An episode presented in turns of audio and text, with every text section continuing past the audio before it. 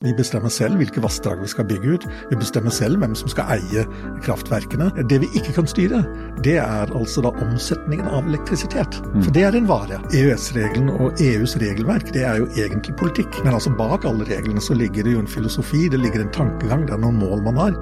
Fagbokpodden er laget i samarbeid med Gyldendal. I dag så er det en ny fagbokpod, og jeg har fått besøk av en som heter Christian Hambro. og Det er sikkert noen med litt historiekunnskap som uh, tenker at jøss, det navnet var kjent. Og uh, Han er jurist, denne karen, og han er sønn av en jurist. Og så er han i tillegg barnebarn av en som har jobbet sterkt i det politiske feltet. Carl Joakim Hambro med Helberumsfullmakten og det hele. Og Christian Hambro, da må jeg spørre aller først. Kjenne, altså Når du nå skriver en bok om det praktiske rundt EØS-avtalen og juss og politikk. Kjenner du litt på den historiske familiebakgrunnen du har? Nei, det kan jeg ikke si. Det kan jeg ikke si. Men jeg kjenner jo igjen da gleden av å skrive. Mm. For det var både min far og min bestefar var veldig glad i å skrive, så det, det kjenner jeg meg igjen i. Mm. Jeg kjenner også igjen at, at, jeg er opptatt av internasjonale spørsmål, og det var jo også da både bestefar og far. Ja, ikke sant? Så slik sett er det noen linjer. Ja. Men nei, jeg føler ikke at de på noen måte har knuget meg i min virksomhet og har hengt over meg som, som en eller annen sånn ond ånd eller noe sånt, og det har jeg ikke følt. Nei, men litt inspirerende har det vært? I hvert fall ikke det motsatte. Ja. Nei. Du har også skrevet denne boken om EØS-avtalen, rett og slett. Uh, avtale vi har hatt i Norge siden 1992. Jeg har bare lyst til å spørre deg først, for du snakker mye om betydningen av avtalen. Hva, hvor hadde vi vært uten avtalen, tror du? Hvis vi ikke hadde hatt EØS-avtalen, så hadde vi jo måttet ha noen andre avtaler istedenfor. For vi må jo ha ordnede forhold til andre land i Europa. Ja, men hvorfor må vi det? Fordi vi er politisk og økonomisk så tett sammenvevd at, at, vi må samarbeide. Vi er nødt til det. På den ene eller den andre måten. Mm. Og da hadde vi helt sikkert hatt noen andre avtaler om vi ikke hadde hatt EØS-avtalen. Og sånn Eksempelvis så kan vi si at hvis noen produserer noe for eksempel, og de bruker statlige subsidier på å, å, å gjøre dette med denne varen billigere, så vil de konkurrere ut andre lands varer osv. Og, så og den type avtaler har vi nødt til å forholde oss til. Den type avtaler. Nå kan du si vi har jo noen sånne avtaler i ja. tillegg. Vi har jo uh, WTO-avtalen, World Trade Organization-avtalen. Mm. Uh, og uh, den har vi faktisk brukt, selv om vi har EØS-avtalen. Det var jo den vi brukte da EU begynte å lage problemer for, for norsk laks. Og vi har jo andre mønster. Vi har jo altså da Sveits, som jo ikke, har, med, ikke, er medlem av EU, og heller ikke har en EØS-avtale, men de har også sånn som 200 andre avtaler med, med, med, med EU. Noe som er veldig komplisert, og som byråkratene i EU hater. Ja, og som en god del norske rikinger elsker. Men det kan vi Det, det får bli en annen, annen diskusjon. annen Så det, diskusjon. det jeg sier bare er at vi hadde helt sikkert hatt noen andre avtaler, en eller flere andre avtaler, om vi ikke hadde hatt EØS-avtalen. Et argument som dukker opp mot EØS-avtalen er at den eh, forhindrer den norske demokratiutøvelsen. Altså at vi på en måte forholder oss til regelverk som vi ikke selv har lagd. Eh, er det noen måte å slippe unna det på? Nei, det er det ikke. Det er klart at Enten dette er juridisk eller politisk, så er det sånn at når man samarbeider med andre land, så må, både gir man og tar man noen, Mm. noen ting. Og man mister en selvstendighet, mer eller mindre formelt. Sånn vil det alltid, alltid Det er litt som å gifte seg. Ja, litt grann som gifte. Man kan ikke bare ture frem som om ingenting ting var skjedd. Nei. Eh, Jeg synes eh, det som er overraskende for meg som forfatter, det er jo at jeg har den siste kapitlene i boken min, så har jeg beskrevet hvilke frihetsgrader vi har, til Ja. tross for EØS-avtalen. Fire friheter. Og det er jo veldig store, de frihetene. Det meste i Norge styrer vi selv. Ja. Det er bare en liten bit som styres av EØS-avtalen. Viktig og berører oss til daglig, men veldig mange ting er det vi, noe som vi styrer selv. Men altså, boken 'EØS-avtalens praktiske betydning', som den heter. Eh, eh, vil du si at du på en måte bare drar opp noen linjer som vi måtte hatt uansett her? Eh, og så er EØS-avtalen en bra, en, en, bra, en, en bra svar på den, den oppgaven om å liksom, lage dette internasjonale avtaleverket? Nei, jeg har ikke tenkt i de banene. Jeg har tatt utgangspunkt i avtaleteksten som den er, mm. og, og så prøvd å forklare hva som ligger i avtaleteksten. Og så har jeg en ganske omfattende analyse hva betyr dette for norsk politikk. Eh, For tiden er det jo mye diskusjon om eh, elektrisitetspolitikk, og da er det sånn at vi bestemmer selv hvilke vassdrag vi skal bygge ut. Vi bestemmer selv hvem som skal eie kraftverkene. Vi bestemmer selv hvordan de skal beskattes. Så alt dette styrer vi med, med selv. Det vi ikke kan styre, det er altså da omsetningen av elektrisitet. For det er en vare. Flyten av varen. Det er flyten av vare, så det styrer vi ikke selv. Der kommer EØS-reglene inn. Og da ender vi opp med å måtte betale tysk pris på strømmen. Ja, det er ikke pga. EØS-avtalen, men det er jo pga. mange vedtak som er truffet gjennom lang tid. Mm. Altså at Norge først uh, laget et, uh, et, marked for elektrisitet på 1990-tallet, lenge før EU uh, gjorde noe tilsvarende. Mm. Og, og, så har vi altså da gradvis bygget ut forbindelseslinjen til andre land. Det var opprinnelig begrunnet i leveran leveransesikkerhet, at vi kunne importere kraft mm. når vi hadde for lite. Det var begrunnelsen. Kapasitet til å flytte kraft ja, begge veier. Dette er ikke mm. noe som EØS-avtalen har ført til, eller som EU har, har funnet på. Mm. Etter hvert så er kapasiteten blitt større enn det vi trenger for å sikre forsyningen. Eh, og da kobler vi oss mer og mer inn på det europeiske kraftmarkedet. Og da vil vi på den ene siden, når vi har overskuddskraft, få veldig godt betalt for høye europeiske kraftpriser. Mens når vi importerer, så svir det litt, fordi vi betaler høyere pris enn det vi er vant til i Norge. Mm. Men totalt sett så har de siste 20 årene import og eksport av kraft vært veldig god butikk for Norge. Ok, så er, nå er vi litt Vi sitter og klager litt når det, akkurat når det svir, og så ellers har vi hatt det bra og ikke sagt noe. Veldig bra. når, du, når, du, ser på dette som fagperson, eh, hender det at du blir litt oppgitt? At du tenker at eh, herregud, kan ikke folk forstå den store sammenhengen her? Eller, eller, eller bare skjønner du det og tenker at vi burde gjort noe med det? Nei, altså Det jeg forsøker å gjøre i min bok, eh, sammenlignet med andre bøker om EØS-avtalen, det er jo å plassere avtalen i en politisk og økonomisk ramme. Eh, og fortelle hva vi, hva vi faktisk hvor, hvor, altså EØS-reglene og EUs regelverk det er jo egentlig politikk. Mm. Men EU har ikke veldig mange andre virkemidler enn en regelverket. Så derfor blir alt veldig mye juss. Men egentlig er det jo politikk det dreier seg om, alt mm.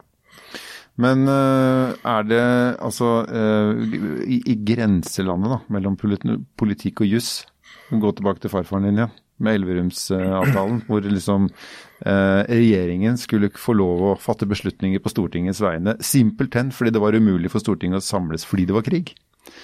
det er jo en, det er et, et, et juridisk grep i en politisk virkelighet. Ja. Er EØS-avtalen litt sånn det er litt sånn det samme, mm. Eh, vil jeg si. Eh, nå er jeg den type jurist som på en måte er ikke glad i juss i seg selv. Altså Jussen er jo alltid et virkemiddel for å nå noen mål. Du er glad i verktøy? Bare, så, mm. så verktøy er veldig fascinerende og morsomt i og for seg, det er som å spille et sjakk. Mm. Men altså bak alle reglene så ligger det jo en filosofi, det ligger en tankegang, det er noen mål man har. Mm. Og det er samfunnsmålene, og så kommer det til uttrykk gjennom jussen. Hva er samfunnsmålet med EØS-avtalen? Uh, ja, det er jo først og fremst å sikre Norge adgang til det europeiske indre markedet. Det var hovedbegrunnelsen. Mm. Nå er det jo sånn at uh, ulike aktører kan jo ha hatt ulike begrunnelser. Uh, noen vil si nei, det der med det indre markedet det er ikke så viktig for meg, men jeg vil at vi skal være nærmere knyttet til Europa av politiske grunner. Mm. Men, men, altså det offisielle målet da Stortinget uh, vedtok EØS-avtalen, det var å knytte Norge til det indre markedet. Eller gjøre Norge til en del av det indre markedet, av økonomiske grunner. Nå er, vi, nå er, det snart 31 år siden, ja. ja så vi har hatt den en stund. Eh, er EØS-avtalen så omfattende, for den, den gror jo, eh, blir jo stadig, den er jo dynamisk. Eh, er den så omfattende og såpass komplett at vi ikke trenger å diskutere et EU-medlemskap? Uh, Nå ble det stille. ja, uh, det ligger jo egentlig mange fasetter i, i spørsmålet ditt. Vi kan klare oss aldeles utmerket uten EU-medlemskap. Uh, og regelverket er omfattende, men det, er på begrensede områder. Mm. Uh, så, så, jeg vil si nei, vi trenger ikke å være medlem av EU av rent sånn regelmessige grunner. Men det er noen som selvfølgelig politisk vil si vi hører hjemme i Europa, og ikke minst når vi nå har krig i Ukraina, så må vi være solidariske. Mm. Men det er da en politisk begrunnelse for, for et eventuelt medlemskap. Men rent praktisk og teknisk i overskuelig fremtid er det ikke nødvendig, etter min mening. Så det du sier er at EU er da et større, mer omfattende og på sitt statsdannende uh, organ enn det EØS-avtalen er? Helt opplagt. Ja. Men det viser seg da også at Norge frivillig uh, inngår avtaler med EU utover EØS-avtalen. Mm. Altså F.eks. så har EU nokså ambisiøse mål på klimasiden med å få ned karbonutslippet. Og da har Norge sluttet seg til mm. EUs mål de neste fem årene. På et annet område når det gjelder f.eks. Eh, eh, det veterinære området, som faller utenfor EØS-avtalen, så har vi sluttet oss til EUs regler. Og Det er først og fremst for at det skal være greit for fiskeoppdrettere å selge sin fisk til, til, Europa. Men det er det området hvor det kommer flest nye EU-regler hvert år. Ja. Hundrevis, om ikke tusenvis. Bare for å prøve å forenkle det. altså er det, Forstår jeg det riktig, da, sånn at hvis du skal selge en vare, sånn, og da, særlig da et næringsmiddel, da, som det veterinærgreiene kommer inn under, eh, så hvis vi forplikter oss til å gjøre sånn som EU har lagd reglene, så vet EU at de får en laks som er produsert i henhold til den standarden de sjøl har vedtatt. Og da kan de spise den uten further notice. ja, altså det er to sider til det. Det ene er eh, kvalitetskravene til laksen, at den da tilfredsstiller EUs kvalitetskrav. Men eh, det er også da en rent praktisk side ved det hele, og det er at man jo har jo veterinærkontroll. Mm. Og du må kunne stemple at dette er kontrollert, at dette er gjort på den og den måten. I henhold til, ja. I henhold mm. til. Og hvis ikke vi hadde sluttet oss til EUs regler på dette feltet, så måtte da norske eksportører av fisk underkaste seg EUs veterinærkontroll, mm. men nå kan de gjennomføre kontrollen hjemme hos seg selv og i Norge og i henhold til norske regler. Fordi vi er enige om hvordan det skal gjøres. Ja. Fordi vi følger EU-reglene punkt og prikke på dette. Mm. Men som jurist, for det er jo det du er i bånn. Ja. Du har eget advokatfirma for all del, men, ja. du, men du, er jurist i bånn. Ja da, ja da. Eh, hvordan ser avtalen ut for en jurist? Du har delt boka di liksom litt, litt, ikke i to, men du har på en måte gjort den, du har tilgjengeliggjort den for lekfolk da, som mm. ikke er jurister. Og så har du på en måte eh, lagt med en ordentlig goodiebag for folk som er eh, inne i faget, og som kan på en måte fordype seg i det. Eh, hvordan ser du på EØS-avtalen som jurist? Er den god? Som, ja, jeg vil si at uh, som juridisk verk ja? så er jo EØS-avtalen og EU-traktaten uh, er jo fantastisk. Altså Alt er til de grader gjennomtenkt, og alle bestemmelsene henger sammen i et gjennomtenkt system. Så, så objektivt sett så, så, er det godt laga? Så er det, er det skikkelig håndverk som ligger bak dette. Så når noen sier at EØS-avtalen er noe makkverk, så, så, så, er, så, er, det objektivt sett tull? Juridisk sett så vil jeg si at det ikke er hold i, i den påstanden. Nei. Jeg vil si at det er en meget godt gjennomtenkt uh, avtale. Uh, både EØS-avtalen og, og, og EU-traktaten. EU ja, for da blir jeg liksom det politiske. Det er greit, dette dette er jo et stridstema uh, i Norge og har vært det bestandig. Fordi, fordi, at det er fort gjort å tenke at, liksom, at, at det blir en politisk bedømming av dette. Men du sier at som jurist så er det objektivt sett et strålende verk. Ja, det vil jeg si. Men man kan selvfølgelig politisk være uenig i det som står der? Selvfølgelig, og man kan være uenig i måten det blir håndhevet på. Mm. Um, og det er noen som da sier at det er maktverk fordi det er uklart, reglene er uklare. Men det finnes ikke noen regler som er 100 klare. Det juristene beskjeftiger seg med, det er jo de punktene hvor regelverket er uklart. Ja. Og så er det noen som tror at alt er uklart. Men hvorfor kan det ikke bare være klart? Sånn er jo lovverket òg, ikke sant? Ja, sånn er lovverkene også. Men, men hvorfor er det sånn? Hvorfor, hvorfor kan du ikke bare si at det, det er lov, det er ikke lov? Sånn må vi gjøre det. Ja, det sånn får du ikke lov til ja, å gjøre det. Det, det. det, skyldes dels uh, at um, ordgrensen ikke alltid er presis. Uh, og det skyldes delvis også at man ikke har tenkt dypt nok gjennom problemstillingene. Når det f.eks. i bygningsloven står at du ikke har lov til å føre opp en bygning uten tillatelse, ja, hva er bygning? Og så sier de men det er helt klart. Ja, er det det?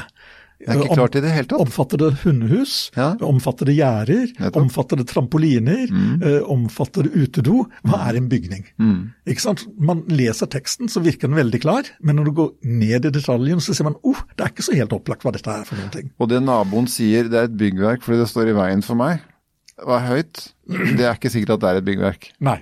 Nei. For eksempel. Og så kan du si at eh, en del av EU-reglene, altså ta reglene om statsstøtte, de skal jo håndheves av ESA. Og det ene er Ja, for det er kontrollorganet? Det er kontrollorganet. Ja. Um, og man kan være enig eller uenig i måten de håndterer dette på. Altså Én ting er jo tolkningen, men hvilke mm. saker skal de bry seg med?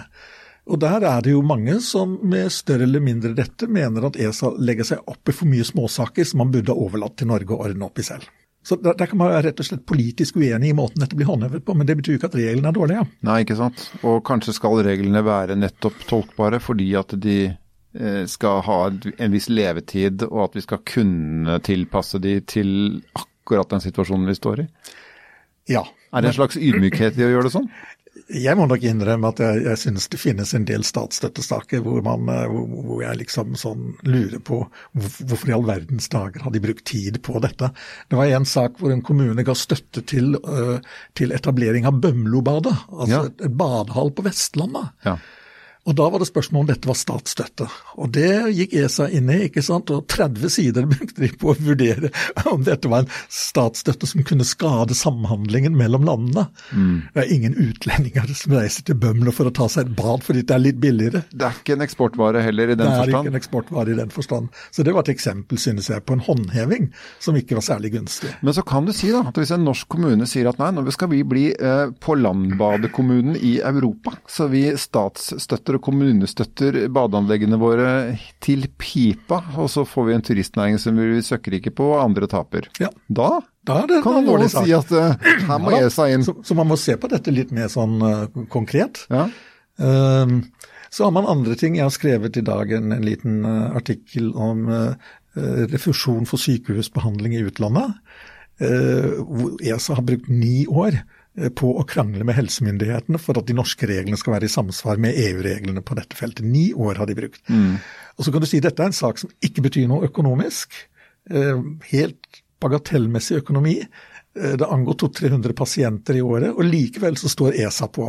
Og Her fremstår de altså som pasientens ordentlige venn mot norske myndigheter. Så det er også et aspekt da, ved håndhevingen av reglene. Men når du sier sånne ting som dette, så kan det jo i eh, første øyekast se ut som det er eh, en slags sånn eh, byråkratisk fastkjørt idioti i mye av det. Men er det også litt bra? For plutselig så er det jo et lite menneske inni der som får noe Altså, trenger vi de prosessene vi kanskje rister på hodet av også? Altså, dette, dette, vil det være litt ulike synspunkter på. Personlig så synes jeg at ESA av og til legger seg opp i bagateller som de burde ha holdt seg unna. Ja, Men hvis, hvis, de skal funke som de skal, må de ikke få lov til å gjøre det? Da må de få lov til å gjøre det, ja, og det gjør de. Så kan vi irritere oss litt over det. Det er ikke skadelig. Det er Nei. ikke skadelig. Stort sett så er det ikke skadelig, uh, men det er brysomt. Okay.